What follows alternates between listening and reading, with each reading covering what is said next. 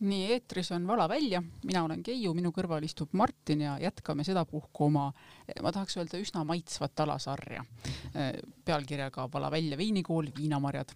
nii et seekord on meil lähivaatluse all Shiraz ja see, mis marjaga on tegemist ja mis peitub tema erinevate nimekujude taga, sellest räägib meile täna Eesti Sommeljeede Assotsiatsiooni sommeljee, koolitaja ja veinikaupmees Igor Sööt, tere tulemast! tervist, väga meeldiv taas kord siin mikrofoni taga istuda ja okei okay,, kuulan siis teie sissejuhatusi ja eks te, eks te juhendage mind, mis ma siis tegema pean siin. no ma õnneks juba andsin käsu, töökäsu kätte varem, et alustuseks kolm sellist äh, huvitavat fakti selle viinamarja kohta välja tuua okei okay,, enne kui me siin ajaloo juurde äh, lähme, tegelikult äh, töökäsk oli kolm sellist lõbusat või fun'i fakti. Äh, paraku jah, see okei okay,, nimetame siis selle marjasordi, hakkame siis nende nimedega siiski veel natuke sissejuhatuseks, et kui me räägime Prantsusmaast, kus tegelikult ikkagi on see, selle viinamarja kodu, siis seal hääldatakse teda ikkagi Syrah, Syrah. et jah, kirjutatakse S-Ü-Y-R-A-H nagu soomepäraselt võiks olla sürah, onju, eestlased kipuvad ka ikkagi süra ütlema, tegelikult on ta sira. okei okay,, see selleks, et kui me siis sirast räägime neid äh, fakte, mis siis on, et äh, huvitavaid asju võib-olla, mida igaüks ei tea. jah, sirad või siis ütleme uues maailmas, eriti Austraalias kasutusel olevat nimekuju sirats Eh, ilmselt eh, paljud meie veinisõbrad ikkagi teavad ja on neid veine proovinud ja maitsnud eh, erinevatest riikidest, erinevates kontekstides, alates odavamast hinnaklassist, mida müüakse ohtralt ka kaubandusvõrgus, lõpetades tippveinideni välja, mis on rohkem, ütleme, horekas ja restoranides saadaval. tõsine marjasort, millest tehakse üsnagi tegelikult tõsiseid ja ägedaid veine, aga faktid võib-olla, mida ei tea, esimene on siis see, et tegelikult on siis eh, noh, räägime seekord siis Shiratsist ja räägime Austraaliast, et eh, see on põhimõtteliselt eh, üks vähestest marjasortidest, millest tehakse punast vahuveini, mis on tehtud traditsioonilisel meetodil.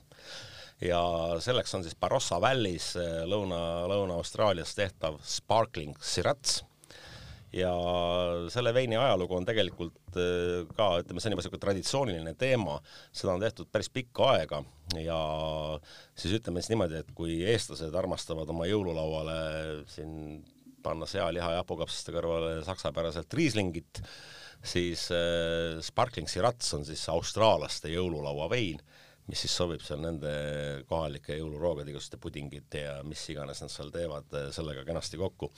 ja et see Sparkling Shiraz on siis tõesti eh, punane vahuvein, see on haruldane seetõttu, et kui me teeme traditsioonilisel meetodil vahuveini, siis tähendab see alati teistkordset pudelis laagerdamist koos siis selle veini laagerdamisega pärmisettel. ja probleem on tegelikult punaste veinide puhul see, et eh, kuna punased veinid sisaldavad alati parkaineid ehk siis põhiliselt tanniine, tanniinid on kibedad ja mõrud ja kui me paneme siis need tanniinirikka veini veel laagerduma pärmisette peale, siis hakkavad tekkima seal igasugused sellised põnevad, noh, pehmelt öeldes ikkagi noh, ebameeldivad maitsed. Ja seetõttu punast vahuveini ei tehta traditsioonilise meetodil üldiselt Shiraz siiski võimaldab seda teha, aga muidugi see laagerdamine seal pärmis hetkel on ülimalt lühikene ja väga sagedasti, eriti veel ajalooliselt, jäeti need veinid ka suhteliselt magusaks, ehk siis pandi sinna suhkurt kõvasti juurde, et siis peita neid äh, mõrkeid ja kibedaid maitseid.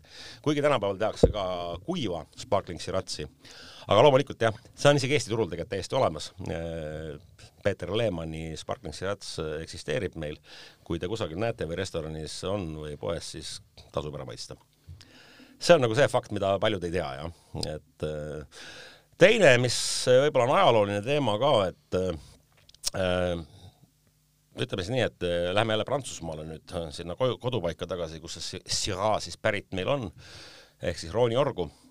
rooniorus on nagu kaks sellist ütleme, kõige tippmisemat alamregiooni või apellatsiooni, kus siis seda Syrah't tehakse nagu ütleme, ülimalt kõrgel tasemel, ülimalt kvaliteetset üks nendest on siis Cotroti ja teine on siis Hermitage, Hermitage'i küngas, tein Hermitage'i linna kohal kõrguv. ja need Hermitage'i veinid, mis on siis ajalooliselt Shiraz'is tehtud, said kuulsaks tegelikult noh, Prantsusmaal olid nad muidugi varem juba kuulsad, aga ütleme eriti Inglismaal ja mujal maailmas said nad kuulsaks kusagil seal kaheksateistkümnenda sajandi lõpupoole või keskpaigas isegi juba, aga lõpupoole juba vägagi, üheksateistkümnenda sajandi alguses olid nad absoluutsed kunnid ja võib-olla kõige enim müüduvad sellised tippveinid, mida siis eksporditi just Suurbritanniasse, Ühendkuningriiki mis oli tegelikult Prantsusmaa kõige suurem äh, selline veini eksporditurg toona. Äh, kuigi tegelikult oli see lugu, et inglased armastasid väga Bordeaux veine ja Bordeaux oli põhiline teema, kus siis, põhiline piirkond, kust kohast siis veinid Inglismaale läksid. aga Bordeaux on ju teada see, et üks aastakäik on kehva, teine on parem ja oligi see kaheksateistkümnenda sajandi lõpus oli niisugune natukene külmem periood, kus siis äh, ei saanud äh, need viinamarjad aastate kaupa seal hästi valmis ja need äh, klaretid ehk siis Bordeaux punased veinid tulid niisugused keskpärased ja kehvakesed ja inglased ei olnud rahul.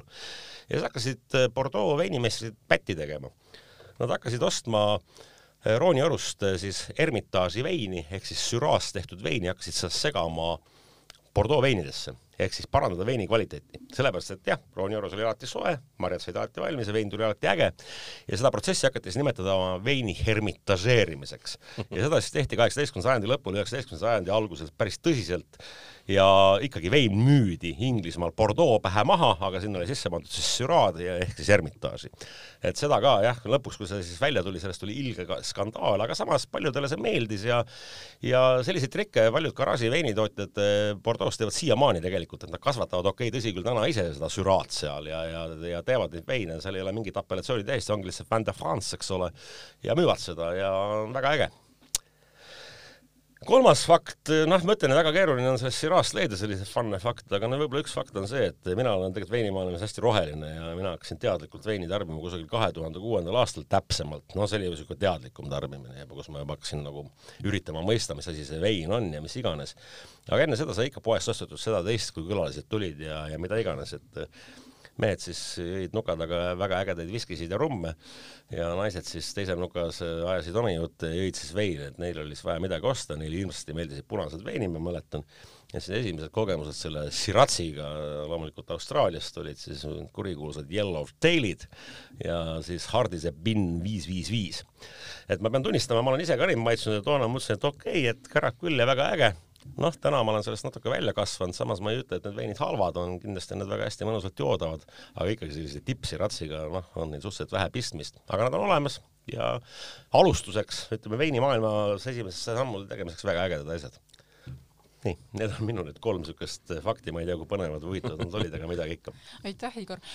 enne seda, kui me nüüd selle viinamarja enda ajaloo juurde läheme, siis mainisid kohe ära eh, erinevad nimekujud, erinevad kohad, aga kui lihtsalt kiiresti teha nüüd meeldetuletus, mida, millest me räägime, kui me räägime uuest maailmast ja vanast maailmast, mis riigid kuhu, kuhu kuuluvad? asi on väga lihtne, vana maailm on Euroopa ehk siis ongi Mandri-Euroopa pluss siis, pluss siis Ühendkuningriik ehk siis Briti saared, seda nimetatakse vanaks maailmaks, kus siis ütleme siis see tänapäevane selline kultuur lõkkele lõi.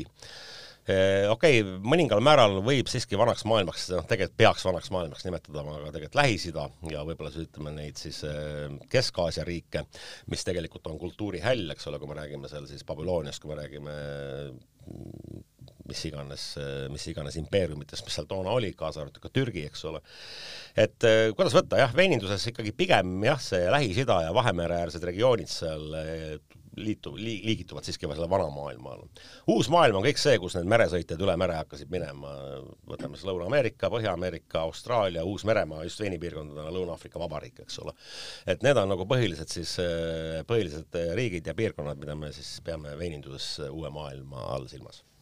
Ütlesid, et ajalugu viib meid Prantsusmaale.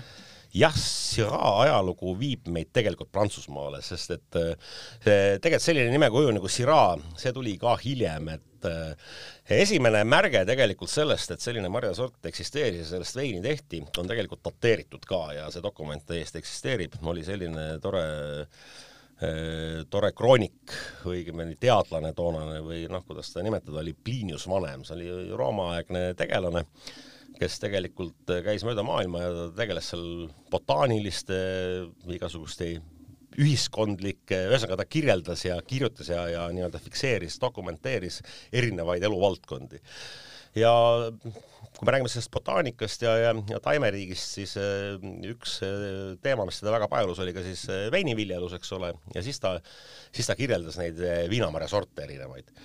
ja aasta seitsekümmend seitse Anno Domini ehk siis peale Kristust on säilinud ürik, kus ta kirjeldab veini, mis on tehtud siis tänase ja ka toonase Vienni linna juures. Vienni linn on siis Rooni-Orru veinipiirkonna kõige põhjapoolsemas osas asuv linn. see on ka roomlaste, roomlaste ehitatud linn, eks ole, ja seal siis kandis tehti toona veini, mida tema nimetas siis noh, prantslased nimetas vin de Vienne, eks ole, mis ladina keeles iganes olla võis, vino de Vienna või mis iganes.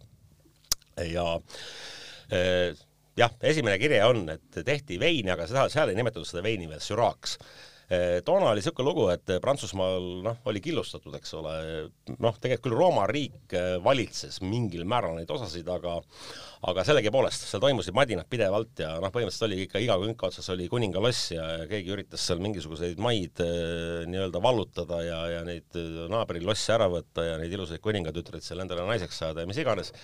aga siis seal Savoa madalalpides elutses selline, selline klann, keda nimetati nimetati alloproogideks ja nemad olid hästi sõjakad ja hästi sellised tublid sõjamehed ja, ja need ikka vallutusretki tegid. ja just samal ajal, kui see Pliinius seal müttas, siis alloproogid olid seal Põhja-Roonis äh, teatud, teatud äh, edu saavutanud ja seal nad paigas olid ja tegelikult seal nad ka tegid veini, eks ole, noh, veini tehti toona juba, juba, juba päris ohtralt äh, kogu, kogu seal Prantsusmaa piires ja ka mujal Lõuna, Lõuna-Euroopas.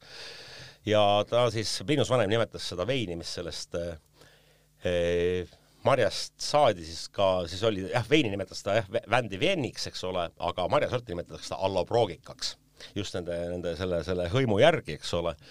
ja täna siis on, ütleme siis niimoodi ikkagi aru saadud, et see alloproogika ongi siis Syrah eelkäija või noh, ütleme varane Syrah, millest loomulikult on erinevaid kloone, igasuguseid arenes välja seal puhtlooduslikult või siis ka juba hiljem ristamise käigus et esimene siis jah, nimekuju võib-olla oli Särään tegelikult, eks ole, aga kust see kõik tulnud on, on tegelikult see, et äh, on erinevaid teooriaid, et noh, tegelikult ikkagi see Syrah sai, sai ikkagi alguse sellest samast äh, toonase siis äh, Pärsia kuningriigi pealinnast Siratsist, eks ole, kus tehti ka Siratsi veine ja arvati, et siis see tegelikult see marjasort ka algselt pärineb sealt Ira-, tänase Iraani alaselt, aladelt, toonase Pärsia kuningriigi aladelt ja, ja siis sealt siis hakkas, hakkas see nimekuju arenema ja prantsuse päraselt oli ta küll ta Seran, siis oli Syrah ja nii edasi. teine variant arvati, et võib-olla tuleb see Roomast, Syracuusa linnast, eks ole et eh, noh, täpselt ei teagi, kus see, kus see nimi alguse sai, pigem ikka sealt Siratsist ta tegelikult sai. aga kui me räägime sellest marjasordist iseendast, eks ole, siis eh, nüüd need viimased DNA uuringud, okei okay,, tegelikult juba tuhat üheksasada kaheksakümmend üheksa vist, eh, vist pandi paika ära, et et tegemist ei ole ikkagi sellise iidse ja ise noh, ütleme niimoodi, kusagilt ei kuskilt tekkinud marjasordiga, vaid just nimelt needsamad alloproogid tegid seal tööd, et toona kasvatati Rooni-Orus ohtralt sellist marjasorti, mis, mille nimi oli siis äh, Turesa ja seda noh, teatud määral võib-olla leidub kusagil praegu ka, aga veini sellest enam ei tehta. just seda, aga see Turesa oli pärit Ardeši kanjonist, mis on natukene lõuna poolt sellest äh, põhialast, kus täna süraat kasvatatakse. hästi palav koht, äh, üks, üks kuumemaid kohti kogu seal Rooni orus. ja tegelikult probleem oli selles, et kui nüüd pandi need viinamarjad kasvama sinna noh, sellele äh, mäenõlvale, mis siis seal Rooni jõe paremal kaldal siis sealsamast Vienni linnast kuni lõunast praktiliselt Lyonini eh, kulgeb, siis eh, mäe külgede ülemistel tippudel ikkagi talvel teinekord läks külmaks, tekkisid miinused ja, ja see Turesa ei pidanud seal väga hästi vastu. ja, ja oli probleeme ja needsamad alaproogid tõid siis Savoist ehk siis Alpidest kaasa sellise marjasordi, mis on siis Mondeuse Blanche ehk siis hele Mondeuse Eh, mis on tänaseni tegelikult seal mõningal määral kasutusel ja millest tehakse ka veini, tegelikult küll tume mondeus ehk siis mondeus noir on nagu põhiline marjasort, aga tema siis hele, hele kloon on siis eh, mondeus blanche. Ja siis looduslik ristumine, rist-, noh, ühesõnaga looduslik ristand tekkis ja see ilmselt ongi see Syrah. see Mondeuse Blanche on hästi külmakindel marjasort, ta on ikkagi Alpidest ja kõrgmägedest juba ütleme keskmägedest pärit ja selline siis, selline ristand ka siis seal Rooni orunõlvadel siis andis väga head tulemust ja siis jah, tänase Syrah'ga seal tegemist on siis meil just mõtlesin, et, et, et kuidas selle Iraaniga on, sest Liisaga, keda küll täna meil siin saates pole, oleme me Shirazi linnas käinud ja siis mõelnud, et noh, tänapäeval Iraanis alkoholi ametlikult ei lubata üldse juua, nii noh, ütleme niimoodi, et olnud. kui oli Pärsia riik, siis jah, ütleme, ei olnud veel sündinud Allah ega keegi teine taoline ja ei teatud sellest moslemi usust suurt mitte midagi või islami usust ja vein voolas ojadena kui mitte jõgedena. kirjutati ka kauneid poeeme sellest. oo, absoluutselt ja seal kõik muusad juures ja, ja nii edasi, et see kõik oli kaunis, jah. aga kuidas äh, lisaks neile kahele nimekujule, mis nüüd läbi on käinud, veel võiks teda nimetada? ütleme niimoodi, et heal lapsel on sada nime, aga, aga sellel, ütleme, Siraal ei ole tegelikult selliseid noh, levinud nimesid rohkem, seal on teatud kohtades ja külades veel mingeid imelikke nimesid, ma tunnistan isegi ausalt, et ma isegi Prantsusmaa spetsialistina ei suuda neid isegi lausa mitte meenutada. et tegelikult ei ole seal mitte midagi sellist, mis oleks kuhugile levima hakanud, et ikkagi ongi Syrah ja on Sirats ja, ja nii ongi. aga nagu Prantsusmaal ikka, siis äh, seal vist tuleb jälle kahtlustada mingisuguste muude nimede põhjal, mitte küll siis sünonüümiks olemist, aga külanimed või, või kuidas nad siis on, et kui on ikka Hermitaaž kirjutatud, siis tean, jaa, eh, okei okay,, tõesti küll, jah, hästi, eh, on tegelikult eh, jaa, sa oled tubli, väga terane.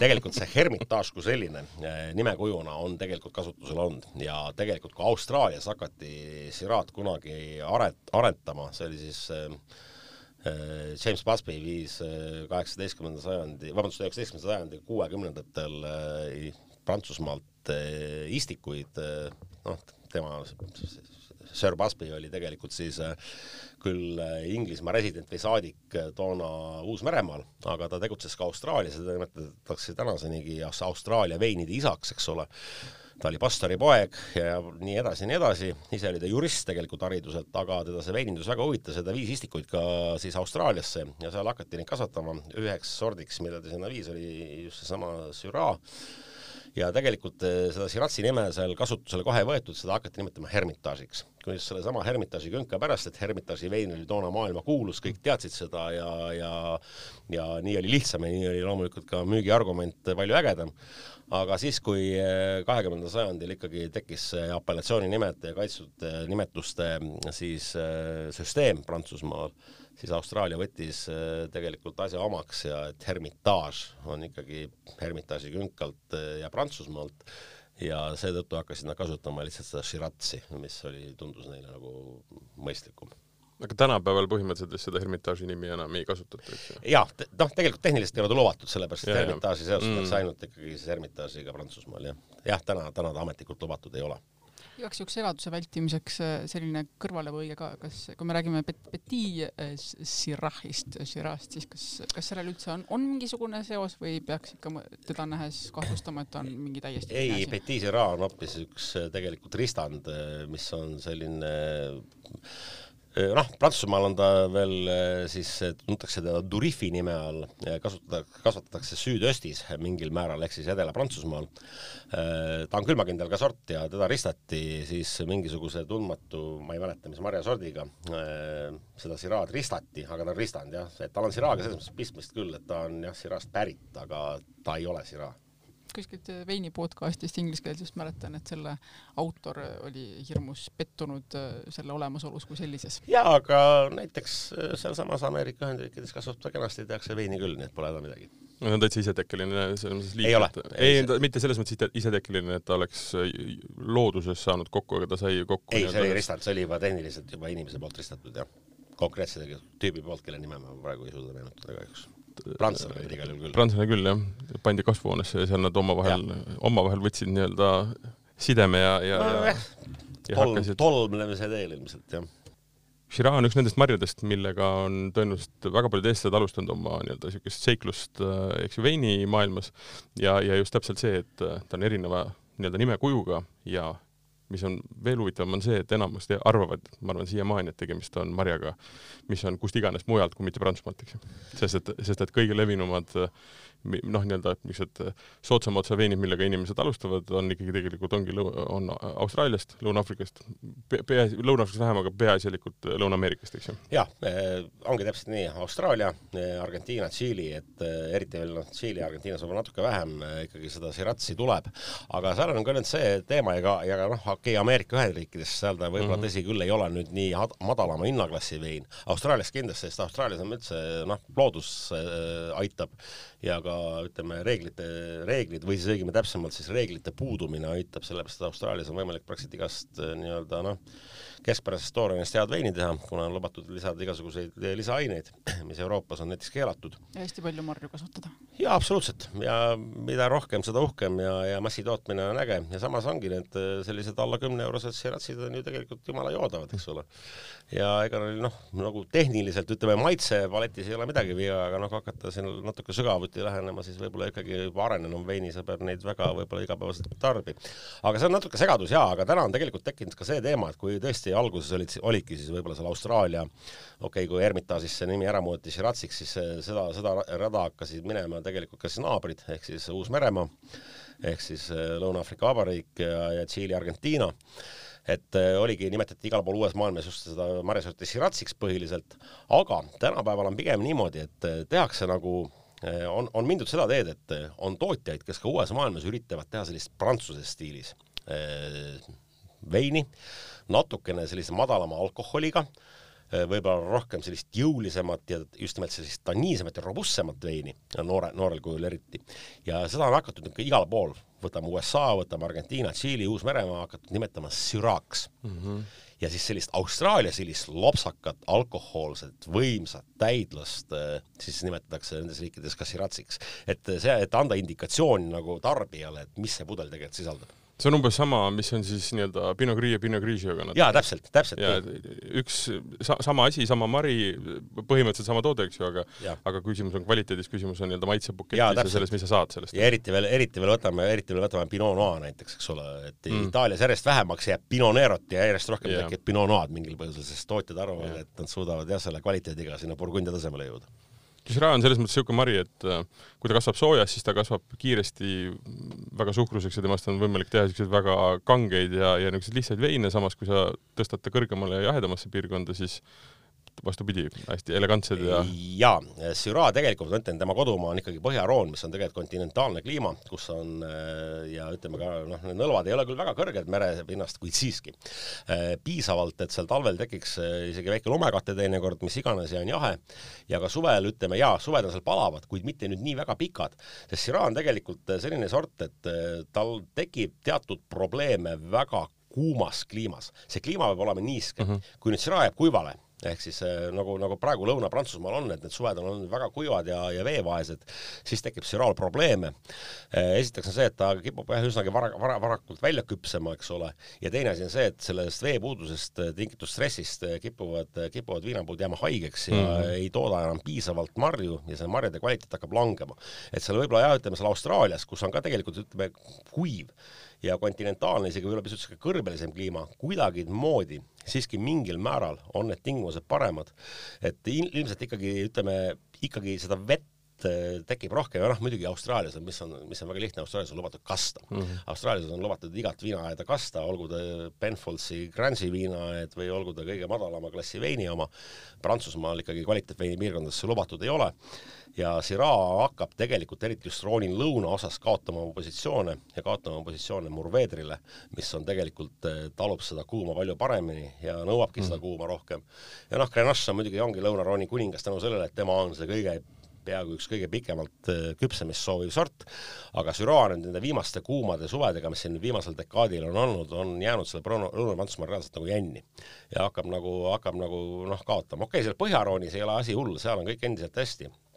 Aga just need lõunaroonid, need noh, nimetame siis neid GSM, Grenache, Syrah, Mourvedre segud, seal hakkab Syrah oma positsioone kaotama, jah ma teen ettepaneku, tahaks rääkida neist stiilidest ja kohtadest lähemalt, aga kuivõrd meil on äh, nagu ikka ka mõned veinid maitsmisel, siis tegelikult me, meil on kaks näidet Prantsusmaalt, üks USA-st ja üks Austraaliast. täpselt nii.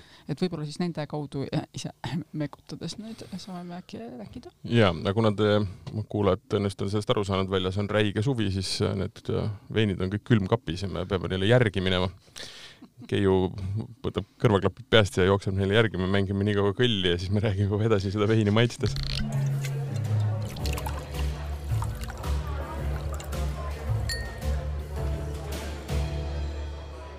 esimene vein on meil lõbusalt pokaali valatud, et esiteks, millega meil tegemist on? see on siis, äh, lähme siis nüüd sinna juurte juurde, lähme sinna klassika juurde, me läheme Prantsusmaale, me läheme Põhja-Rooni ja seal on selline alampiirkond nagu Saint-Joseph, Püha Joosep siis eesti keeles, ja veiniks on meil siis äh, Tordieu-Laurent, kes on siis äh, Rooni oru üks absoluutne tipptootja. Ja siis tema Saint-Joseph, Vieille Vin ehk siis vanad viinapuud. et see on siis tehtud jah, äh, seal siis erinevate plottide pealt korjatud marjadest, kõik on puhas süra ja, ja umbes siis ütleme minimaalselt kuuekümne aasta vanused viinapuud, maksimaalselt saja kümne aasta vanused viinapuud. mida siis see puude vanus äh, teeb, see on siis see, kui sügavale on suutnud aja jooksul viinapuud oma juured arendada, eks ole, mida sügavamal on juurestik, seda rohkem erinevaid mineraalaineid nad suudavad äh, aluspinnasest ammutada ja seda komplekssem tuleb vein.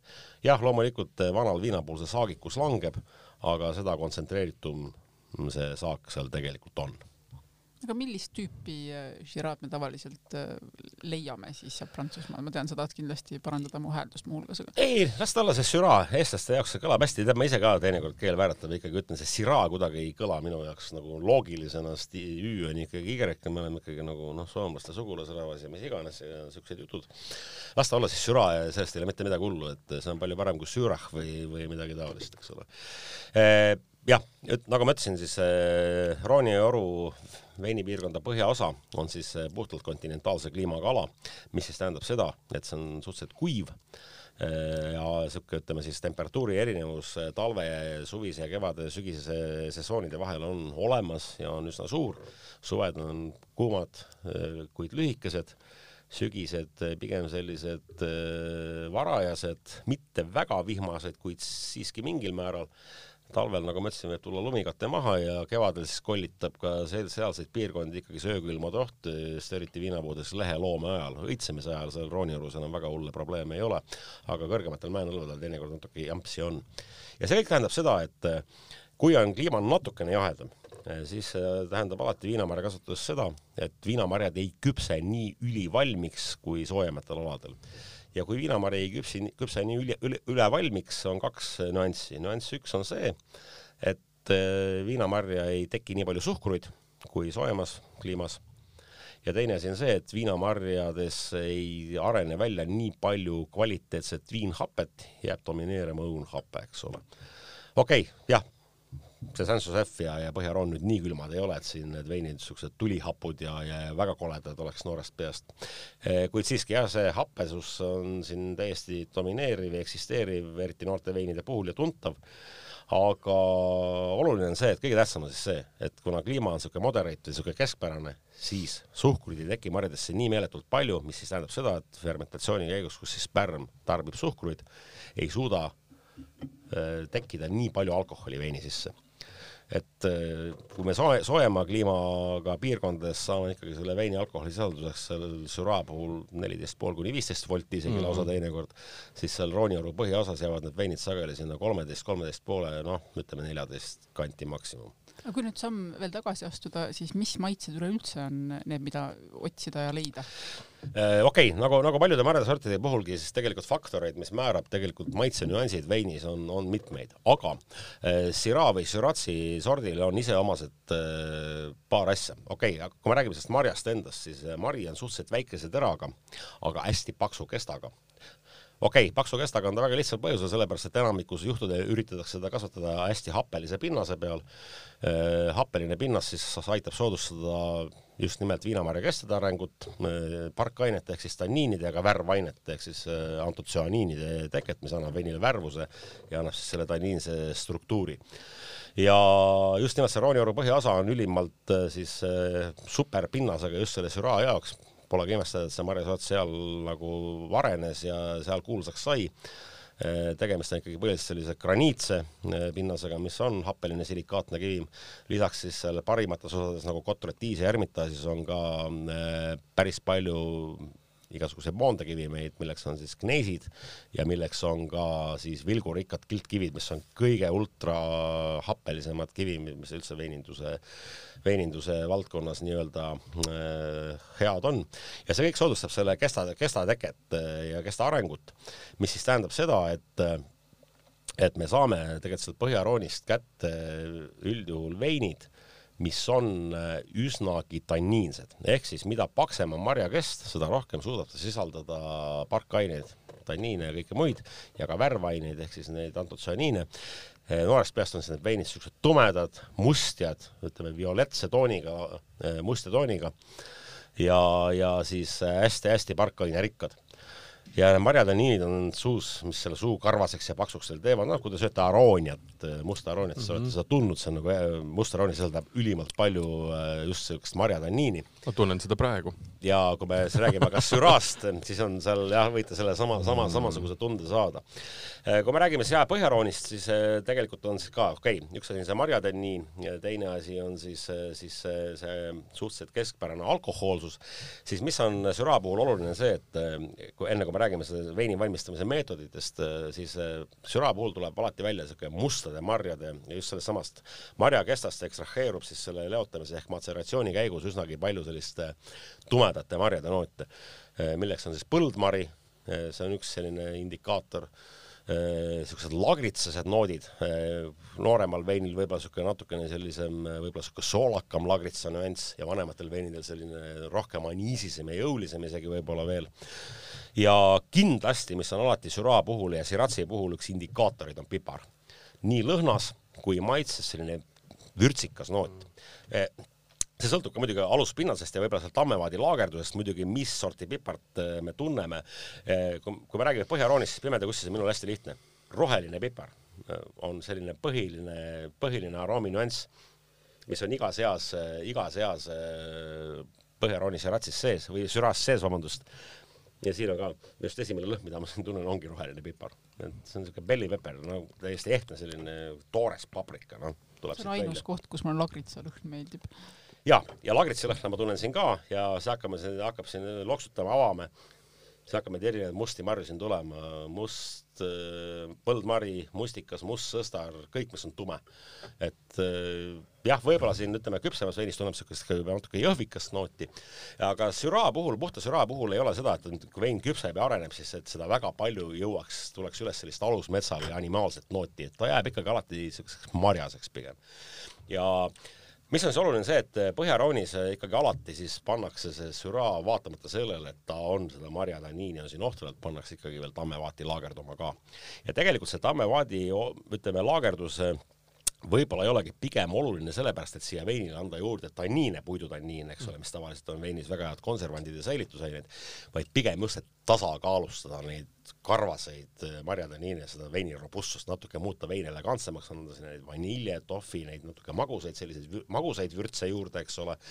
ja tegelikult ka, kui me keemiliselt lähtume, siis äh, kui need kaks, kaks tanniini seal, kaks, tanniini tüüpi omavahel seal veinis kohtuvad, siis nad hakkavad ka omavahel reageerima, tegelikult see puidutanniin, selline kuiv ja peen ja siuke kibe natukene, tõmbab selle marjatanniini karvasust natukene maha. et jaa, sellised toored tippklassi Põhja-Rooni süraad on tegelikult noh, päris beebidena ma ei, pigem neid ei avaks, nad on üsna sellised noh, robustsed, noh, võib-olla niisugune hea sõna on jörm, jörm vein, niisugune natukene no, raske juua, ongi hästi tanniinne, üsnagi kõrge happega ja niisugune võib-olla pisut nagu klotsides kokku pandud niisugust ilusat niisugust voolavust nagu mm. nagu ei ole. ta tahab aega, paari-kolme aastaga selline F läheb väga ilusaks juba. aga kaua püsib?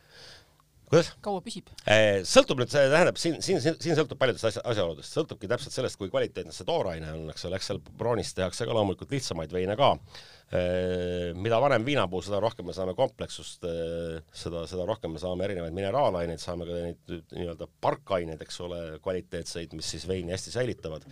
Ja ka sõltub muidugi tammevaadi kasutusest. konkreetne vein on siis tammevaadis laagerdunud, ongi, kõigepealt on siis barrikkides ehk väikestes vaatides kaksteist kuud, et anda sellele veinile lisamaitseid juurde ja see on pandud kuueks kuuks veel suurtesse üheksasaja liitrisesse vaatidesse, et rahustada see veini, tasandada, et anda võimalus nendel tanniinidel seal natuke tagasi tõmbuda, et see vein muutuks homo, homogeensemaks, ühtlasemaks ja, ja selliseks elegantsemaks. see konkreetne vein on kaks tuhat kolmteist, eks ju? jah, see on kaks tuhat kolmteist korje, noh, ütleme niimoodi, kaks tuhat kolmteist oli, oli kehv aasta tegelikult Rooni orus, natukene niisugune ka vihmane ja kehvakene, see kevad oli seal halb.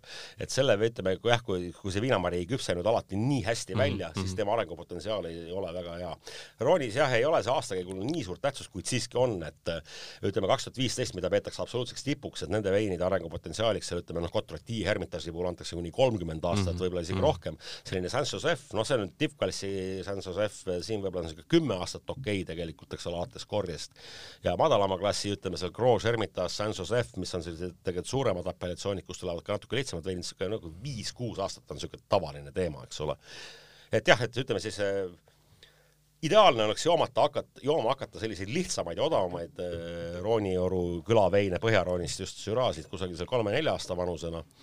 Ja paremate veinide puhul, noh, ma olen neid küpseid Cotretiisid ja Hermitase mul on õnnestunud maitsta äh, see, kuidas sul siid hakkab voolama kolmekümne aastase veini puhul suus ja see järelmaitse kestab igavesti, see on, see on elamus omaette. mina olen juba praegu väga õnnelik, pärast kõiki neid suviseid valgeid veine on väga mõnus midagi sellist võtta, aga, aga Igor, mis hinnaklassist me üleüldse räägime, kui, kui me nüüd seal ikka Prantsusmaal sinnakanti sihime, siis mis need tipud on, mis need äh, okei okay., ütleme siis niimoodi, et jällegi siin on nagu veel siiamaani miks on ka, ütleme, Rooni oru veinid tegelikult Eestis aastast aastalt tegelikult äh, punaveini armastajate puhul just muutunud järjest populaarsemaks, on see, et äh, kui meil on Burgundia oma hinnatasemega läinud täiesti kosmosesse, Bordeaux, noh, sõltub nii ja naa, sõltub aastaga, üks kord on kosmoses, kord on seal atmosfääri ülemistes kihtides, siis äh, siis äh, Rooniga on asjad siiski selles mõttes suhteliselt hästi, et kui me võtamegi sellise Gros Hermitage'i või võtame, räägime siis praegu Süradest, eks ole,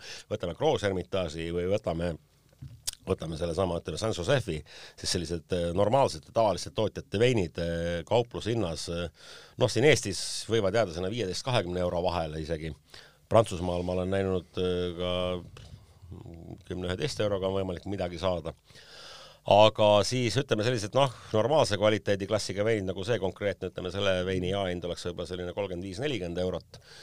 aga kui me läheme siis ütleme, samad jah, kaks tippkohta, mis on siis see Cotrati eh, ja Hermitage, eh, mis on siis noh, see Cotrati ongi siis Syrah sünnipaik seal Vieni linna juures ja Hermitage siis eh, maailma parim koht, kus kasvatada üldse Syrah'd siis nende tippveinide hinnad noh, ütleme okei okay,, odavamat süraad äh, naljalt kui niisugune jaehinnas seitsekümmend, kaheksakümmend protsenti või seitsekümmend, kaheksakümmend eurot, ütleme, kotratiiv jaehinnas ei leia.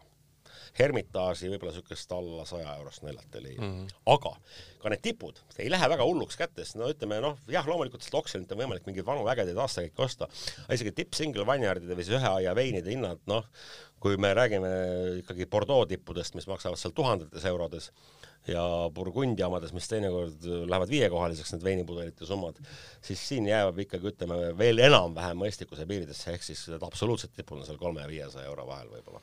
kas sa nõustud selle minu mõttega, et ütleme, Ronio Oru Shiraz on, ütleme, ja nendes hinnaklassides, kus ta ja vanuses, kus ta läheb tõesti selliseks lopsakaks ja mõnusaks ja ei ole enam nii ründav ja jõrm, nagu sa ütlesid, siis see ei ole, ütleme, ta, ta vajab ikkagi teatavat äh, kogemust, ta vajab äh, nii-öelda varasemat äh, mingisuguse, mingisugust nii-öelda paletti ja, ja niisugust huumust, et ta on, ta on natukene võõristav ja võib ehmatada, eks ju? jaa, ma olen sellega nõus, et eh, kui te olete nüüd ütleme tõesti selle Yellow Dale'iga harjunud ja seda igapäevaselt tarbite, see teile hirmsasti meeldib ja kui me paneme teile nüüd sinna kõrvale ühe pudeli Cotretiid, siis ta jah, kindlasti võib teid ära võõristada, võib teid ehmatada natukene küll. sest ikkagi need struktuurid ja need, see komplekssuse erinevad osad on, on, on, on, on niivõrd nagu ütleme, ekspressiivsed ja, ja tugevad. aga siin on ka see teema, et ega see ei ole see, et sa võtad nüüd selle pudeli Hermitaaži ja sa lähed ja lased see põõsav ilus kulg, kulg, krae vahele, et tegemist on ikkagi gastronoomiliste veinidega, et äh, need on need veinid, mis tahavad, äh, mis on nagu head veinid ja mis tahavad ka head toitu sinna kõrvale. et ehk äh, jah, roonioru sellised, eriti süraad on ideaalsed nagu noh, ma mõtlengi, ongi ulukiliheveinid tegelikult, et et noh, sellised jahimeeste veinid võiks olla, sest et ka jah, seal roonioru küngaste vahel igasuguseid elukaid ringi silkab, alates seal hirvedest, kitsedest, põtradest, no midagi, okei okay,, päris põdrat seal ei ole, seal ongi mingid hirved, metssead ja, ja kõik muu taoline, et ja noh, ma nagu mõtlen, sealkandis on talved teinekord jahedad ka, et siis tehakse igasuguseid hautisi, igasuguseid terriine mm -hmm. ja natuke sellise küpsema süraaga on nad absoluutselt perfektsed täiesti tegelikult, eks ole. et jaa, eh, liharoad loomulikult ka, lammas äh, ütleme, kuna vein on vürtsikas, maitse on vürtsikas, ka sellel veinil ma tunnen seda järelmaitses siiamaani, siis igasugused sellised äh, lõunapoolsed ürdid nagu tüümian, rosmariin, äh, kõik see, Provence'i ürdid äh, sinna liha juurde, kastmete juurde, on suurepärane. ja, ja ka veiseliha, et niisugune korralik jõulise maitsega antrekoot sellise veiniga on suurepärane, ma arvan, okei okay,, mis sõltubki küpsusaste, et kui vein on hästi noor, siis võib see liha olla niisugune sinaka tooniga kui vein on küpsem, siis võib natukene ka liha rohkem küpsetada. ja juustud, süra on tegelikult hästi juustusõbralik vein ka, et siin saab mm -hmm. igasuguseid trikke tegelikult teha, et et äh, sobib väga hästi erinevad lehmapiimajuustud, jällegi, kui me räägime siis juustudest, siis noore veini puhul võiks juust olla noor või ütleme, kas lausa ikka pehme ja küpsema veini puhul võiks olla juust ka küpsem ja laagerdunum. Eh, samamoodi põhimõtteliselt, miks mitte lambapiimajuustud ja maru ägeda efekti saab kitsejuustuga, eriti sellise mm. värske kreemise kitsejuustuga, te võtate noore süraa te tunnete suus šokolaadi, šokolaadi maitset ja kakao maitset. juba kiusatus wow, oleks wow, kohe wow. minna kuskilt tuua mingi iga minu ihurakk hakkas röökima, kui sa hakkasid tänase kliima juures rääkima hautistest. kuigi ma tegelikult tahaks võtta selle pudeli ja minna hautisega tutvuma, aga juustud äkki, äkki ja Shiraz. selle aja peale, kui me saate eetrisse paneme, on kõik see leitsak on läinud juba, aga Shiraz ja juustud, see, ma võtan selle kaua sel nädalavahetusel jah, need on väga hea, hea soovitan, soovitan kindlasti, see on äge ja, ja, ja ma ütlen, Shiraz on hästi, ma ütlen, maitsekas äh, ja lopsakas, samamoodi võib juustudega, ärge delikaatse maitsega juuste, välja arvatud seesama toores kitsejuust, see on omaette teema. aga kõik muu, juustud võivad olla võimsad, jõulised. päris Münsteriga muidugi ei maksa peale minna, aga võivad, ütleme, sellised poolkõvad juustud seal lõhnata küll, nii et no, väga midagi. hea, sa rääkisid nüüd selle söögiosa räägid ka su sujuvalt ära, ei pea lõpus enam küsima mm. -hmm. aga ettepanek on minna edasi ja vaadata, mis need stiilid veel võiks olla. jah, et see on nüüd selline klassikaline põhjaroon kaks tuhat kolmteist San Josef, noh, normaalses küpsusastmes, joogi joomise, tarbimise, nautimise aken on avanenud, see vein kestab äh, veel kolm-neli-viis aastat rahulikult, pole mingit probleemi, läheb ägedamaks. Hea kuulaja ei pea seda üritama kuskil guugeldada paaniliselt äh, praegu kohe, vaid me paneme selle info, milliste veinidega ja kust neid saab äh, ikkagi üles ka. suuname neid üsna mugavalt kohe ostma, et me selles mõttes ei hakka siin mingit peitusmängu tegema. business on business. business on business mis on, mis on meil klaasis, saate vabalt selle osta ja katsetada ära kõik täpselt niimoodi, nagu me siin seda teeme. nii, nüüd me läheme hoopis mujale, et siis äh, kolime vanast maailmast kohe välja, lähme teisele mm. poole, noh, mitte päris teisele poole maakera, aga peaaegu, päris kukla poole peale ei roni, aga lähme mööda sama laiuskraadi edasi, et äh, jõuame Ameerika Ühendriikidesse. Mm ja jõuame Ameerika Ühendriikide lääneosasse kus asub Washington, Washington State, et igaks juhuks eh, ma absoluutselt ei kahtle kuulajate geograafilistes teadmistes, aga Washington State'i ja Washingtoni linna vahel on tohutult palju miile. ehk siis Washington asub idarannikul linnana ja aga osariigina asub ta siis eh, läänerannikul. ühesõnaga mõelge niimoodi, et eh, ühel pool on Atlant ja siis teisel pool on Vaikne ookean, täpselt nii kaugel nad omavahel ongi. täpselt nii ongi, Washington State asub Vaikse ookeani ääres ja piirneb ülevalt või siis põhja poolt Kanadaga ja, ja, ja nii ongi. et äh, laiuskraad on sama nagu Põhjaroonis põhimõtteliselt nendel parematel aladel ja tänu sellele on ka siis ütleme just seal, seal siis ütleme Colum-, Columbia Valley regioonis süraa kasvatamine tegelikult saanud päris popiks. ja siis täna meil jah, pudelis Chateau Saint-Michel, süraa Columbia Valley'st aastakäik kaks tuhat neliteist ja nemad siis äh, sealkandis üritavad siis teha selliseid äh, roonistiilis, äh, roonistiilis veine Süraast. Kohe hakkame maitsma ka, aga ma natuke räägin ka sealt sellest, sellest, sellest kliimast natuke, et jah, kui ma ütlesin, et Põhjaroon on niisugune ikka konkreetselt, konkreetselt kontinentaalse kliimaga, siis tegelikult asub ikkagi see Columbia Valley alad asuvad ookeanile tegelikult suhteliselt lähedal, aga seal on nagu selline päästev element, et täpselt mööda rannikut jookseb kaskaadide mäeahelik ja see on selline teema täpselt samamoodi nagu, nagu, nagu Prantsusmaal Alsassis, et äh, see mäeahelik siis peatab äh, ookeanilt tulevaid niiskeid ja jahedaid õhuvoole ja tegelikult seal siis mäeahelikus idapoolsel äh, küljel on siis kliima suhteliselt sarnane kontinentaalsele, kuigi siiski on ookeanilisi mõjutusi. seal mäeahelikule lähemal on ka ütleme, võib-olla niiskem ja vihmasem, aga siis põhimõtteliselt selle juba ala idaosas muutub kliima praktiliselt nagu kõrbeliseks ja väga kuivaks.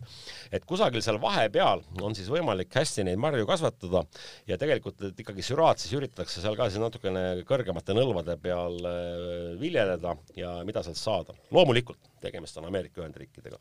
ameeriklastele meeldib natukene teist stiili vein sageli kui, kui tavaprantlasele. tavaprantslane tahab, et vein oleks siiski suhteliselt kergelt joodav, arusaadav ja oleks mõnus libistada. ameeriklastega natuke see lugu, et ikkagi ajalooliselt on ikkagi neile meeldivad sellised natuke jõulisemad, võimsamad, tammisemad veinid ja kindlasti ka ikkagi San Michel on seda teed läinud, et et kui siis äh, jah, äh, eelmise veini puhul tootja kasutas siis äh, kaks-kolm aastat kasutuses olnud väikseid tammevaate ja siis suuri vaate, siis Saint Michel kasutab, pool on Ameerika tammest vaadid, pool on Prantsuse tammest ja osa neist ka uued vaadid, et ikka anda sellele veinile seda ikka seda, seda vaniljetatsi juurde. see on huvitav, ütleme, kui see eelmine vein oli selline ütleme iluuisutaja, siis see päris poksija ei ole, aga seal kuskil vahepeal ta on, et tal on nagu niisugust nagu jõudu rohkem. sa ütlesid, et ähm, ütleme, klimaatiliselt ja laiuskraadi mõttes on nad enam-vähem sarnased. ma eeldan, et nende pinnas siis erineb, sellepärast et see vein on kindlasti niisugusem, ütleme, ta on rohkem minu jaoks nagu mahlasem, tal on nagu magusust natuke rohkem, tal on nagu niisugust äh, see, ma arvan, on nagu vaat äkki rohkem või see, minu jaoks on see vanilje kohe. no äh, jaa, tamme, tammevaadi tatsi on siin ka kindlasti Kõvasti, rohkem jah. ja lõppmaitses niisugust mõrket nooti, mis tuleb hästi-hästi, äh, ütleme siis tugeva röstiga tammevaadist. seda pipart väga ei ole, mis sa alguses rääkisid. on küll, aga sul on õigus, pinnase puhul on erinevusi, kui ma rääkisin, et Põhjaroon on ikka graniit mm, -hmm. siis ütleme vilgukivid ja, ja erinevad moondekivimid, siis äh, seal Columbia vallis on äh, üsnagi palju sellist savi, ütleme argilliitset aluspinnast, mis on küll ka happeline, aga mitte nii jõuliselt. ja mistõttu ongi see, et marjade tanniini struktuur ei tule nii võimas, kessad ei tule nii paksud ja seetõttu antakse tammega seda purakat oluliselt rohkem juurde. ja noh, siin seda muidugi tunda on, siin on igast asendist, noh, ikka, ikka, ikka on antud, antud jõudu sellele veinile mm., see on kaks tuhat neliteist, on tegelikult, ütleme, kui me räägime sellisest, see ei ole ju mingisugune selline tuhandeeurone vein, eks ole mm -hmm., suhteliselt mõistlikust hinnaklassist jook, eks ole. ja kui me räägime Ameerika veinidest, et noh, siis kaks tuhat neliteist võiks sellise klassi veini puhul arvata, et noh, kas ta nüüd enam ongi nii väga hea, aga tegelikult siin veinis on jõudu küll, et veel areneda tegelikult. siin on nagu kõik komponendid olemas ja seda, seda on ka kõvasti juurde antud, aga jaa, ta on erinev, et ütleme pigem, et ongi, kui eelmine vein oli siuke noh, vana selline soliidne klassik, siis siin on niisugune noor särtsakas, ütleme, mõtleme keele, kahjuks Roonioru veine, vaata mina Burgundia veini nimetan daamideks ja tüdrukuteks eks ole, siis äh, Roonioru veinid on ikka minu jaoks, või ütleme, Syrah on ikka alati meesterahvas, et siin on niisugune vanem, ütleme, meil oli eelmine vein oli niisugune vanem väärikas härrasmees, siin on niisugune vot siin on täpselt siuke poksija, siuke tuleb kott kuradi, kes on nagu matsot täis ja tuleb, tahab sinuga natuke kakelda. aga samas see on siuke poksija, kes meeldib korraga nii meestele kui naistele. oo, absoluutselt, ta on väga šarmantne, kui me räägime naistest ja natukene võib-olla agressiivne meeste puhul, aga tegelikult lõppkokkuvõttes me saame kindlasti mõlemad temaga kokkuleppele, nii et äh, kellelgi sinist silma ei tule ja tegelikult lõppkokkuvõttes on see vein äge. aga muidugi see on ka jah, ta ei ole väga alkohoolne, ma ütlen, et kliima on väga sarnane, see on ka kolmteist pool volti, eks ole, et võiks nagu oodata. eelmine oli kaksteist pool, ta on ikkagi. no kraadikene, aga kolmteist pool siiski, ütleme uue maailma punase veini puhul on ikka väga mõistlik, ütleme selline alkoholisisaldus, eks ole. ja, ja aga jah, ta seda särtsu ja vürtsi ja, ja kõike seda on ja seda on tammega kõvasti juurde antud. kaks täiesti erinevat veini, sama mari, aga ja, ja täiesti, täiesti, täiesti kaks erinevat arusaama ka, ma saan aru, et ühe jaoks on vana mees ja teise jaoks on iluuisutaja oli see esimene vein ütleme siukse jah, ütleme jah. mitte vanamees ei võiks iluuisutada Gra. Gra-, Graatsi, graatsiline iluuisutajast vanamees ei, ma ütlen veel kord, kui sina tundsid siin tüdrukut, see on väga tore, mina ei tundnud. aga jaa, ta on kindlasti oluliselt ma ütlen pigem sellise gra-, Graatsi mõttes või sellise niisuguse mm, nagu ta ma ütlen, tal on, temaga on vaja suhelda võib-olla vähe niisuguse pehmemalt ja, ja individuaalsemalt kui selle teisega, see teine on ikka niisugune peovein ka. Oo oh jaa, kindlasti, et see on, vot see on selline vein, vaata ongi, et me oleme Põhjamaa rahvas ja talvel on külm ja kaamus ja masendus ja siis sellest veinist noh, on lihtne ennast purju ka juua. libiseb, libisebki tegelikult jumala mõnusalt, kes on nagu harjunud eh, sellise jõulise punase veiniga, ma arvan, et see läheb suurepäraselt peale ja ja väga hästi, kuigi samas ka ta on toiduveinina ka kindlasti. Aga siia võiks juba natuke sellist, ütleme jah, mina võib-olla sinna muluki peale ei lähe, et sihuke pigem ongi sihuke ikka T-bone kõrvale ja ikka ameerikalik siuke steik ja friikartulid ja, ja väike majonees ka ja ketšup ka jumala äge. mida, mida, mida veini eest maksan, sa enne mainisid, et, et USA-st liiga odavaid veine ikkagi pigem ei pea ootama. vot siin on nüüd see pull, et ma päris seda kodutööd ära ei teinud, et aga mis hinnaklass, ütleme, selliste veinide puhul võiks olla? no selliste veinide puhul, ütleme, tegelikult on USA-ga probleem. USA-ga on teatud, teatud probleem selles, et transport sealt on suhteliselt kallis see on üks asi, teine asi on veel erinevad igasugused muud seadused, mis, mis reguleerivad teatud aktsioone, aga ma kipun arvama, et jah, et kui ütleme, USA tippveinid maksavad ikka rohkem tegelikult kui Euroopa sellised ütleme noh, analoogid, siis ma arvan, et see vein on võib-olla selline kolmekümne euro teema, et mõtlen jaehinda aga ma võin natukene eksida, aga noh, seda saate Nautimuse koduleheküljelt järele kontrollida. ameeriklaste puhul on muidugi natukene ka see, et nad joovad ikkagi ise väga palju oma veine ka ära ju mm. -hmm. et selles mõttes nad, üks asi on hinnad ja transpordid ja kogu see pull, aga nad joovad hirmsasti oh, oma veine. et ekspordiks ei lähe sugugi mitte, mitte jah, üle poole toodangust, nagu Prantsusmaa puhul on tavaline. et ikkagi jah, väga palju juuakse koha peal ära, ma olen nõus sellega. aga väga põnev on see, et see vein on täiesti korra vaatan, kas sildid, jaa, täpselt ongi seesama kaks tuhat neliteist, selle saab, saab Liviko poest kätte kaheteist rutsi eest, nii et ah, so. see ei ole absoluutselt no siis ta on ikka väga mõistlik vein, jah. ma ausalt öeldes panen siit kohe sinna seda veini ostma, sest et selle raha eest on siin veini ikkagi päris korralikult. ei, absoluutselt, ma olen jumala nõus ja Ameerika mm, USA, USA, USA, USA puhul on ikkagi hind väga mõistlik väga,. väga-väga mõistlik ja see, mis sa siit saad, on, on täiesti niisugune jaa, vau wow see on tõesti leid praegu. kuule, aga, aga teine asi on ka, ütleme veel nii-öelda valmimisajad. ma mõtlen marja valmimisajad, kui me marjadest räägime, siis uh -huh. ütleme, meil on siin veel kaks veini tulemas, eks ju, üks on Austraaliast, mis on täitsa teine nii-öelda poolus, me räägime, eks ju uh. -huh. ja siis on Ameerika ja Euroopa, et kui pikalt need marjad erinevates kohtades valmivad? no kõik sõltub tegelikult ikkagi viinamarja küpsemise puhul sõltub loomulikult jah, kõik hakkab pihta sordist ja mhm. teine asi on ikkagi konkreetselt õhutemperatuurist, ega siin muud asja ei ole. et äh, nagu ma ütlesin, et Syrah jääb natukene hätta päris kuuma käes ja kuiva käes. et äh, ta ei ole nüüd nii hil-, hilja küpsev sort, kui ütleme, samas Rooni orus on, ütleme, Grenache ja mm., ja Mourvedre või siis ütleme, võtame seal mingisuguseid veel soojema kliima Itaalia, ma arvan, Primitivo näiteks, mis iganes, mis nõuavad nagu pikemat küpsemisaega, mis ongi mõeldud ülimalt sooja, sooja, sooja piirkonda. Syrah on niisugune nagu vahepealne, et ütleme, Pinot Noir, mis armastab jahedat, Cabernet Sauvignon, niisugust mõõdukat, siis Syrah on nagu järgmine klass, et ütleme, ideaalis seal kusagil Rooni orus ikkagi korje toimub septembris septembri lõpuks peaks ta täielikult valmis olema ja, ja ära korjatud, samas kui mm. seal ütleme, murveedrit teinekord oodatakse Grenache'il oktoobri keskpaigani ja murveedrit oktoobri lõpuni mm. -hmm. et tema on ikka selline keskmine, keskmise küpsemise ajaga. ja siin ongi see mure, et kui ta nüüd panna päris sooja kliimasse, nagu ütleme, vot ongi, et kõige suurim kasvuala Süra puhul on, on tegelikult Languedoc Lõuna-Prantsusmaal, kus temast tehakse ohtavalt ka ikkagi noh, reaalselt lauaveini ehk siis Vende mm. P-dokki ja, ja pudel maksab poes seal kohapeal neli eurot ja nii edasi, siis tegelikult tegemist ei ole noh, see, see ei ole, ütleme, võrreldavad veinid nendega, mida me siin praegu tarbime. et seal ongi see lugu, et Languedoc on hästi palav ja seal toimub korje juba seal septembri alguses, teinekord augusti lõpus isegi, mis tähendab seda, et selle õitsemise ja, ja, ja korje vahele ei jää seda soovitud sadat päeva, mis siis mm, -hmm. mis siis võimaldab seda, et viinamari saab juurte kaudu puust seal vajalikud komponendid täies koguses kätte. tehaksegi lihtsalt veini ja, ja niisugust noh kes tahabki jõulisemat lihtsat veini, siis on äh, Languedoci Syrah sellest tegelikult täitsa okei okay,, aga noh, kas ta just siuke ja ka kanget muidugi. jaa, loomulikult ikkagi seal soe alkoholi tuleb ja noh, loomulikult eks ta üritatakse ikkagi mingil hetkel ära korjata, et seal päris seitsmeteist, kaheksateist voldini ei saa lasta, sellepärast et seadused ei luba sellist veini müüa enam. aga jaa, et äh, viieteist voldine Syrah kusagilt äh, Gorbierist on täiesti olemas ja kusjuures isegi mõned tootjad suudavad päris joodavaid teha järgmise veiniga me paneme nüüd tallad kokku, sest me läheme Austraaliasse. ja nüüd me läheme sinna Kukla poolele ära ja lähme sinna teise klassikalisse piirkonda tõesti, kui me siis rääkisime, Rooniorg on ikkagi see absoluutne klassika ehk siis koht, kus siis Syrah pärit on.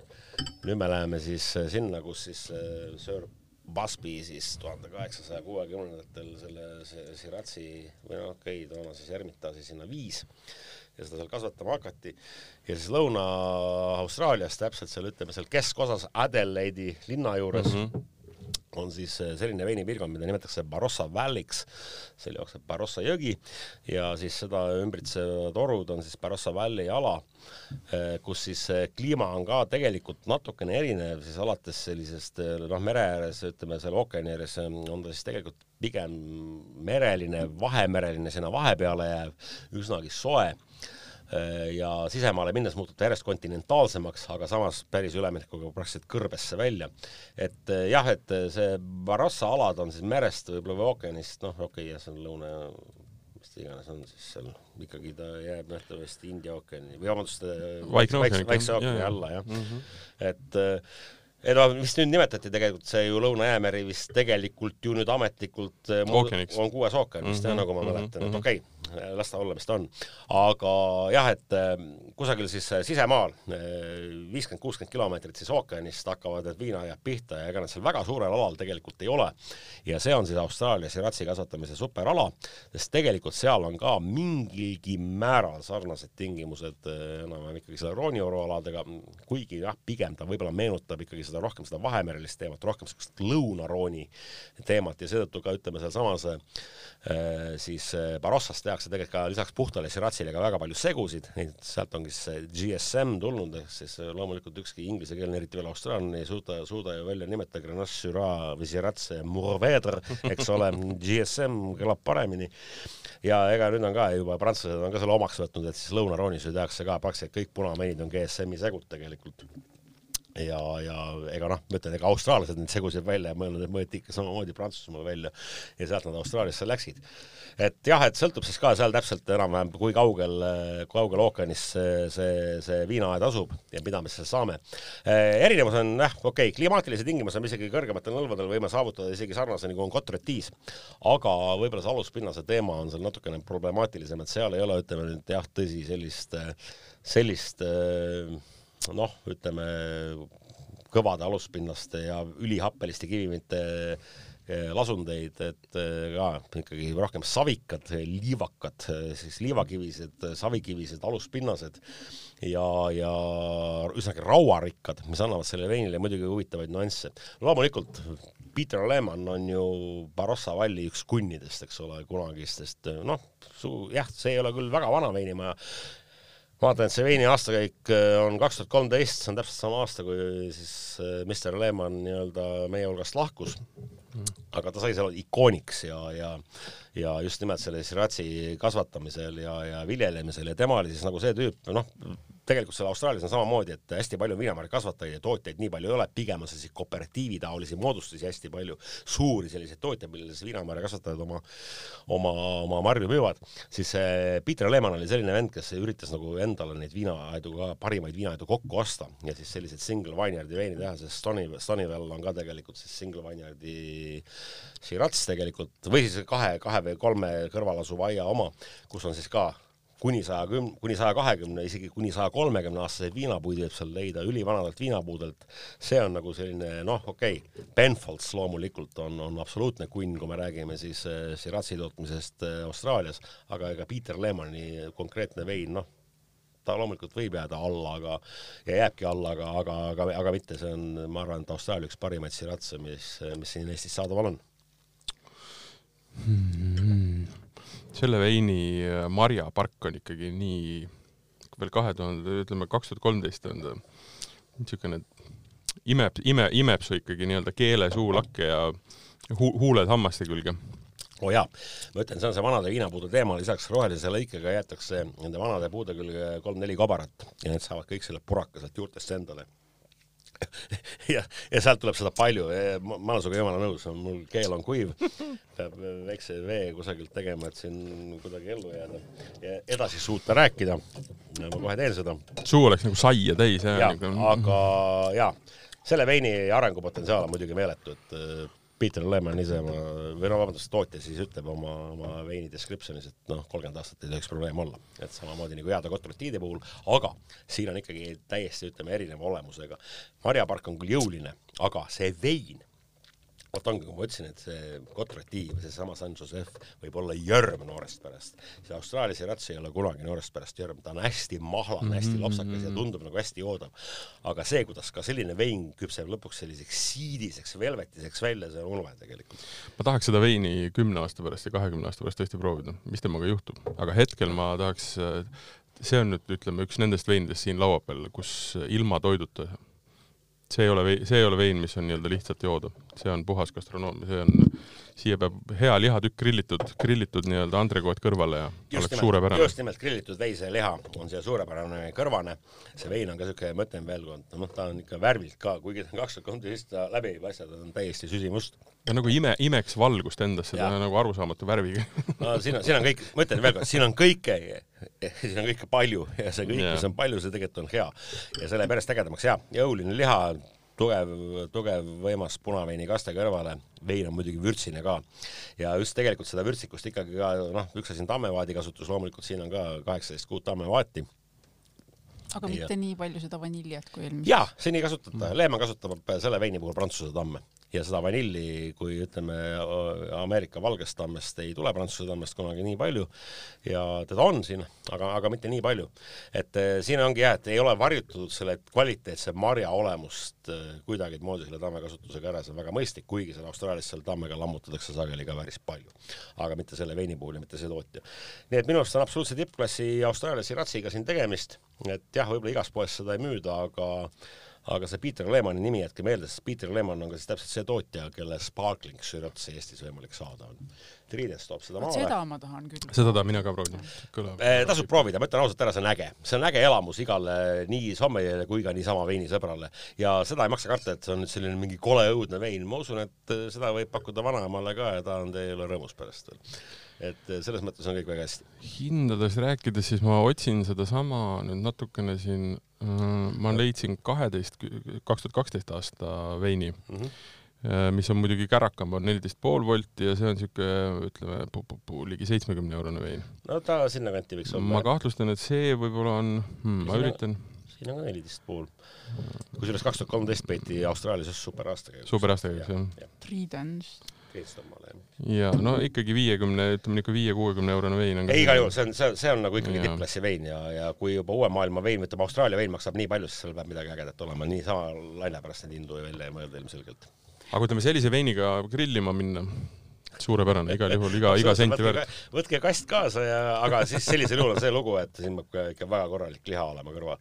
et siin ei ole mõtet mingisuguse jamaga minna. no kui, kui sa viiskümmend eurot juba maksad, siis eeldatavasti peavad sinu sõbrad ka oskama hinnata seda, muidu on võib-olla rahakotist ikka väga kahju. ütleme jah, et tavaline grilliõhtu, kus tuleb siis külarahvas kokku, et ma võib-olla kasti seda välja ei paneks, aga ütleme, kui tuleb punt, punt minusuguseid hulle, siis või teie näiteks, siis ainult jah, palun meile pakkuda kõiki asju. hea kuulaja, kui sa tood veini maale, siis saada see meile ka. grillitud lihaga, palun. grillitud liha oleks ka äär, äärmiselt meeldiv kõrvane. aga meil on üks vein veel jäänud, mis ja. on hoopis teisest ooperist. Eh, nüüd ongi see, et eh, nagu ma enne rääkisin, tegelikult siis eh, kui me tegelikult räägime üldse sellest Sirast ja kui me räägime siis kogu tema nagu maailma toodangust, siis tegelikult no ma siiski, ma ei oska päris protsenti öelda, aga ma kipun arvama, et suur jagu sürast, mida kasutatakse, kasutatakse segudes. et niisugust äh, puhast monosepaasi või ühe marja veini temast, jaa, loomulikult ma mõtlen, me siin käisime erinevad regioonid läbi, käisime Prantsusmaal, käisime Austraalias äh,, on olemas Tšiilid, on olemas Argentiinad, on olemas Lõuna-Aafrika Vabariigid, on ka olemas Uus-Meremaa ja nii edasi, USA, kuid Syrah on tegelikult äh, vägagi äh, sageli ikkagi seguveini komponent, nagu ma enne rääkisin sellest GSM-ist ehk siis Grenache Syrah Mourveder või on ta SMG või MSG, sõltub milline marjasort on mm. domineeriv segus, eks ole.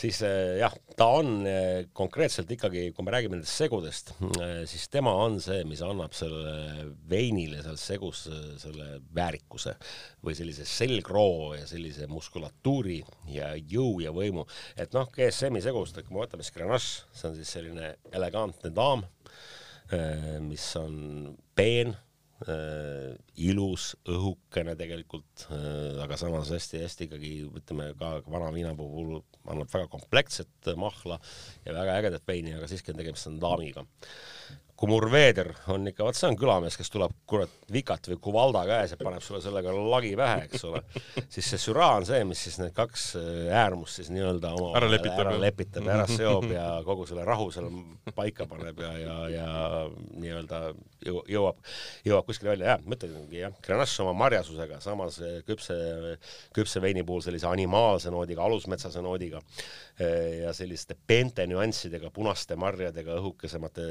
toonidega siis Murveeder oma jõhkra tanniinsusega, jõhkra musta marjasusega, no kõik, kõik on, kõike on hästi palju, kõik on, kõik on julmalt. ja siis Syrah on seal vahepeal jah, see lepitaja, kellel on nii ühte kui teist natukene ja kes saab selle kõigega hakkama ja tema annab siis sinna juurde selle vürtsikuse, selle, selle, sellised, just sellised eh, lagritsad, kõik need sellised vürdi, eh, vürtsi nüansid ja seob selle asja ära ja tegelikult on, on, on väga-väga nagu ägedad need segud. noh, eks te kindlasti kõik teate Lõuna, Lõuna-Prantsusmaalt Chateauneuf de Papi ja mm -hmm. teate, teate Gigondassi ja Vaquerassi ja nii edasi ja siis ka samamoodi, et vaadake sinna sama Austraaliasse, et ikkagi need GSM-i segud on kõikidel tipptootjatel olemas, kaasa arvatud ka Penfoldsil, mis iganes, et kõikidel tippudel, samamoodi ka seal Lehmanil ja sageli nad ei maksa sugugi vähe ja sageli on seal pudelis väga äge vein. Täna meil on siis Gabriel Mehver Äh, tema siis tippseeria Laurus, me ütleme ülemine, ülemise otsa seeria. See on nüüd Coturon Village, see ei ole nüüd konkreetse külanimega vein, vaid on siis äh, regionaalne apellatsioon, mis on natukene kõrgem ja natukene piiritletum kui lihtne Coturon ja selle veiniga on nüüd selline lugu, et äh, alguses oli planeeritud äh, üks äh, teine Gabriel Mehfri vein natukene madalamast hinnaklassist siia tuua, kus siis ütleme, Syrah ja Grenache oleks enam-vähem võrdne, kuid ikkagi Lõuna-Roonis on see, et see GSM on ikkagi tavaline teema, et enamik Lõuna-Rooni segudest on Grenache'i põhised, samamoodi siin veinis on ka vist, kui ma õieti mäletan, oli vist kuuskümmend protsenti Grenache'i, kolmkümmend või kolmkümmend viis protsenti Syrah'd ja natuke on ka Murveedrit juures. aga veel kord, et siin ongi, et eh, noh, mida siis see annab, et eh, kui me seda veini nuusutame, siis siin on ikkagi juba tunda natuke, natuke seda Grenache'i nooti, natuke tuleb juba, juba praegu seda alusmetsa või sellist natukene sellist eh, higist sadulat või no kuidas seda nimetada, sellist natukene animaal, animaalset nooti, sugugi mitte halba ja sugugi mitte jõulist, aga ta on siin olemas, eks ole, või niisugune nahk, vana nahkrihm või mis iganes aga marjad lähevad punasemaks. jaa, täpselt, Grenache teeb, Grenache teeb kohe punasemaks selle veini, siin on tunda juba sellist küpset, küpset nagu sõstart võib-olla, küpset, no päris vaarika nüanssi ei ole, aga mingisuguseid, mingisuguseid selliseid punase marjanoote, isegi punaseid õisi natuke tuleb sisse või siis isegi violettseid õisi ja teine asi on, jaa, aga teine asi, mida ma tunnen, juba tuleb natuke vürtsi üles ja see mm -hmm. näitab ära, et siin on süraat sees ja see lõhnas juba selline, selline vürtsikus näitab seda edukalt ära. ja noh Murveedrit on siin reaalselt nagu vähe, seda ma võib-olla ei tunne nii palju ja Murveeder ongi tegelikult ikkagi nendes GSM-i segudes just see noh, nii-öelda see tanniini andja ja võib-olla sellise, sellise musta, musta, musta jõuandja sinna sisse. et siin teda väga palju tunda ei ole, võib-olla Coturon Village ja Coturon ei olegi sellised veinid, need on väga sageli mõeldud rohkem, ongi niisugused rohkem niisugused mene-, libistamise veinid, kergemalt joomise veinid tal on seda tanniini üsna ikkagi jõuliselt, aga samas ta on palju. Ta pargib hästi. aga ta, aga ta on, aga ta on, aga ta on joodavam. hoopis teistmoodi, mitte joodavam on halb, ta on nagu teistmoodi libiseb. ja ta libiseb, sest tegelikult ongi, vaata Grenache'iga on see lugu, et eh, Grenache ei nõua nii pikka üldse tegelikult mm. äh, nagu arenemist, et eriti kui on jah, kui on sellise natuke lihtsama veiniga tegemist ei ole vaja teda kolmkümmend aastat pikali hoida. isegi kui võtame nagu mm. Chateauneuf de Vapid, okei okay,, need päris tipud ja kõige kõvemad nimed, kolmkümmend aastat, aga see on ka maksimum, sealt edasi enam ei lähe mm. -hmm. et pigem ka siuke tap-, Chateauneuf de Vap on siuke kümne aasta vein tegelikult. ja sellised segud, noh, kaks tuhat kuusteist, see on juba, see on juba piisavalt küps vein, et siin ei ole mõtet väga üle võlli lasta paar aastat veel ja siis, siis hakkab ta allakäiguspiraal pihta mm. -hmm. et ütleme, sellise viie aasta vanusena on ta perfektne nautida praegu ja andke tuld ja vot siin on see, et samamoodi loomulikult siia, siia sobivad ka erinevad toidud kõrvale, aga siin on see gamma oluliselt laiem. et sellise veini kõrvale ei pea enam nüüd olema absoluutselt see maailma kõige kallim sul T-bone või antrekoot või, või lambakarree, eks ole, siin võib natukene lihtsamalt läbi saada, isegi võib-olla sellise šarkuterii kõrvale, miks mitte seda mm. mekkida, eks ole, ja noh, ka juustuvalik võib olla natukene, ei pea olema nii väärikas ja, ja kallis, eks ole. võtan antipasti ja siis on juba selle jah, see, see, see, selline vein, ma, ma ei ütle, et ta nüüd päris selline pitsavein on, aga selline kvaliteetne mm. antipasti õhtu, õhtul, jahedal õhtul menetleda väga äge. külmad, külmad äh, lihad, vorstid, ja, ja, ja, ja, ja aga ja. mitte, mitte sellise ilmaga nagu täna, vaid kusagile siin sügise poole sa kõlad nagu mjau-mjau-mjau, Martin, ja ma arvan, et see on väga õige kõla sellele. ma ütlen, et äh, sa keevutasid väga-väga hästi, et isegi, et äh, jah, mis iganes hetkel te seda kuulate, aga kui me seda lindistame, on väljas siuke kolmkümmend, kolmkümmend kaks kraadi, kõik on umbne ja õhk seisab, siis tegelikult äh, nauding punast veini ju on ikkagi jah, olemas täiesti täiesti, see on, see on üks naljakas, et sa mõtled, et äh, kuuma ilmaga ei tahaks ju juua punast veini, aga tegelikult see kui päike lagi pähe paistaks, siis õues silitab, ei tahagi. õues ei taha, aga see praegu silitab küll midagi väga mõnusat minus. toas võib. Hmm.. ja et äh, ega ma ütlen, kui vein on hea, ega siis ilm ei olegi, noh, okei, loomulikult jah, eks ta mingil määral määrab, aga jah, alati leiab siukse jahedama nurga, kus, kus võib ka suvel punast veini nautida sa oled sujuvalt ära rääkinud äh, ka toidud juba, nii et selle kohta ma ei küsi rohkem, aga ma küsin, milliseid äh, marju võiks veel proovida, kui, kui nüüd see Shiraz on juba ühel või teisel kujul või mõlemal kujul hakanud meeldima, siis mis võiks olla see järgmine asi, mida selle pinnalt avastada? No ütleme niimoodi, et jaa, vot see ongi, et äh, tegelikult selle Siraga alustada sõprust nagu sellise jõulise võimsa punaveiniga on maru äge, et alustadagi, ütleme võib-olla sealt uuest maailmast, alustada Austraaliast natuke lihtsamate veinidega, natukene sellise suurema jääksuhkruga, suurema alkohoolsusega veiniga, mis tundub niisugune lopsakas ja mõnus ja kergelt joodav. et äh, liikudagi sealt edasi nende vähe ägedamate variantide poole ja liikudagi võib-olla selle Temroni oruga ka Prantsusmaal on alustada selles mõttes kvaliteetveinide puhul mõistlik, et seal on, ma ütlen, veinid on ikkagi sellised joodavad ja lopsakad viisakad. et sealt edasi minna, kas me nüüd peaksime ilmtingimata otsima mingisuguseid analooge, jah, Syrah kasvatataksegi Itaalias näiteks, eks ole, sellest isegi tehakse osade super Toskaana veinid, ülikallite veinide koosseisus mm. kusagil Piemontes kasvatatakse, kusagil seal Latsios kasvatatakse, mm, Hispaanias kasvatatakse Syrah'd ka samamoodi. teda kasvatatakse väga paljudes kohtades, eks ole. aga kas nüüd hakata otsima tema analooge, võib-olla ei ole väga pointi, et pigem siit hakata edasi minema just sinna selle tõsisemate veinide maailma, ma ütlen, et noh, kui sa kunagi jõuad sinnani, et see Burgundia tipp, tipp Grand Cru klassi Pinot Noir on see vein, mille kohta sa saad nii-öelda sellise kulinaarse orgasmi, eks ole. siis siis jääd sa vaeseks. no siis sa oled juba piisavalt rikas, et seda endale lubada ilmselt. see võtab aega, kui sa sinnani jõuad, siis see on nagu absoluutne tipp ja kõik vaheetapid ongi, ma ütlen, alustada sellistest jõulisematest, täidlasematest ja minna järjest rohkem elegantsete poole. et eh, kui rooniorg on läbi, siis astuge Bordeaux'sse ja Bordeaux on gamma oi-oi kui lai, seal on alates kümne eurosest veinist kuni siis noh, kolme-nelja tuhandesteni välja, seal jõuab mütata ja proovida ja vaadata. Ja kui te siis lõpuks jõuate nagu Burgundiasse, Pinot Noir valdkonda, no loomulikult ma ütlen, ma ei ütle, ma ei ütle, et nüüd ainult Prantsusmaal peate lendama, kõik neid marjasorte leiab ka erinevatest valdkondadest, samamoodi ka Itaaliast võite leida analooge, samamoodi võite alustada väga lihtsast, väga lihtsast Valpolicellast ja lõpetades siis äh, tõesti seal tippnebiolodega või siis tippsupertoskaanlastega mm., eks ole, ja kõik, mis sinna vahepeale jääb, aga need sammud on jah, sageli sellised loogilised, et lihtsalt joodavast sellisest sellisest lopsakast jõulisest veinist minna järjest peenemate nüanssideni ja järjest võib-olla selliste noh sofi-, noh, keerulisemate jookideni, et äh, kõik vaheetappidega. mina jah, ei samastaks midagi, Syrah'ga on väga keeruline mm. midagi samastada, seetõttu ta erinevates maailmanurkades kasvatataksegi, ta ei olegi tema analoogi olemas nagu. kui sa peaksid selle marja kuidagi mm, hierarhiasse panema, kui üldse on, ütleme, teeme niisugust väga nõmedat asja nagu, anname talle nii-öelda tiitlit, eks ju, et et mis tema niisugune nagu tase oleks?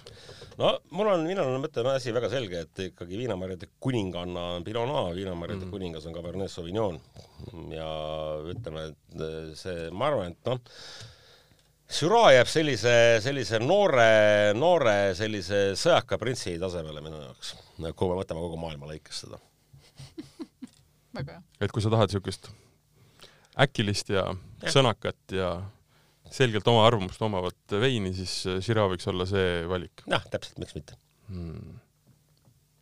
kõlab väga mõnusalt mm. -hmm. ma tahan nüüd seda vahuveini minna maitsma. vahuvein, selle me maitseme ära ja siis äh, ma ei tea, oleme, oleme selles osas targemad. Igor, aitäh sulle! Pole tänu väärt. see oli väga oluline nii-öelda sissevaade sellesse marja, mida inimesed võib-olla tõesti on pigem harjunud jooma sellise noore ja võib-olla isegi nagu sa ütlesid, jõrmina, mis äh, imeb selle äh, nii-öelda suu üheks niisuguseks klombiks ja ei taha sealt seda lahti lasta. aga et on olemas palju ägedamaid ja palju erinevaid nii-öelda viise, kuidas seda kuidas seda marja kasutada, kuidas sellest veini teha. minu jaoks täna see nii-öelda Washington State'i, see ameeriklaste vein on üks tõeliselt suurepärane, hinnakvaliteedi suhtelt eriti. jah, ja ma tahangi öelda, kui see tänane valik, et kui on, ütleme, sellised algamad veinisõbrad, siis alustage pigem sellest Washington State'ist või siis sellest Coturon Village'ist ja küll te ja. jõuate sinna Stonewallini ja San Josephini ja Hermitage'ini ka. aga kindlasti proovige ka need ülemine ots ära, kui see teil vähegi võimalik on, et saada aru, milleks tegelikult see marjasõrt võimeline on. Imeline. see oli veinikool, marjad me rääkisime Shiraz marjast, mida enamus maailma arvab, et on pärit kas Tšiilist või Argentiinast või hoopis Austraaliast, tegelikult on nii-öelda põlise, noh, nii-öelda põlise ikkagi Prantsusmaa marjaga. Järgmises saates meil on külas järgmine Mari, mis hakkab rääkima sellest, kuidas tema on siin maailmas ringi rännanud ja mis veine temast saab. järgmise sommeljee suu läbi. räägib järgmise sommeljee suu läbi. saade, mida te kuulasite, oli Vala välja, mina olen Martin. Keiu ja järgmine saade uuest marjast, äh, ma ei tea, kuidas öeldakse, järgmisel nädalal või? noh, umbes nii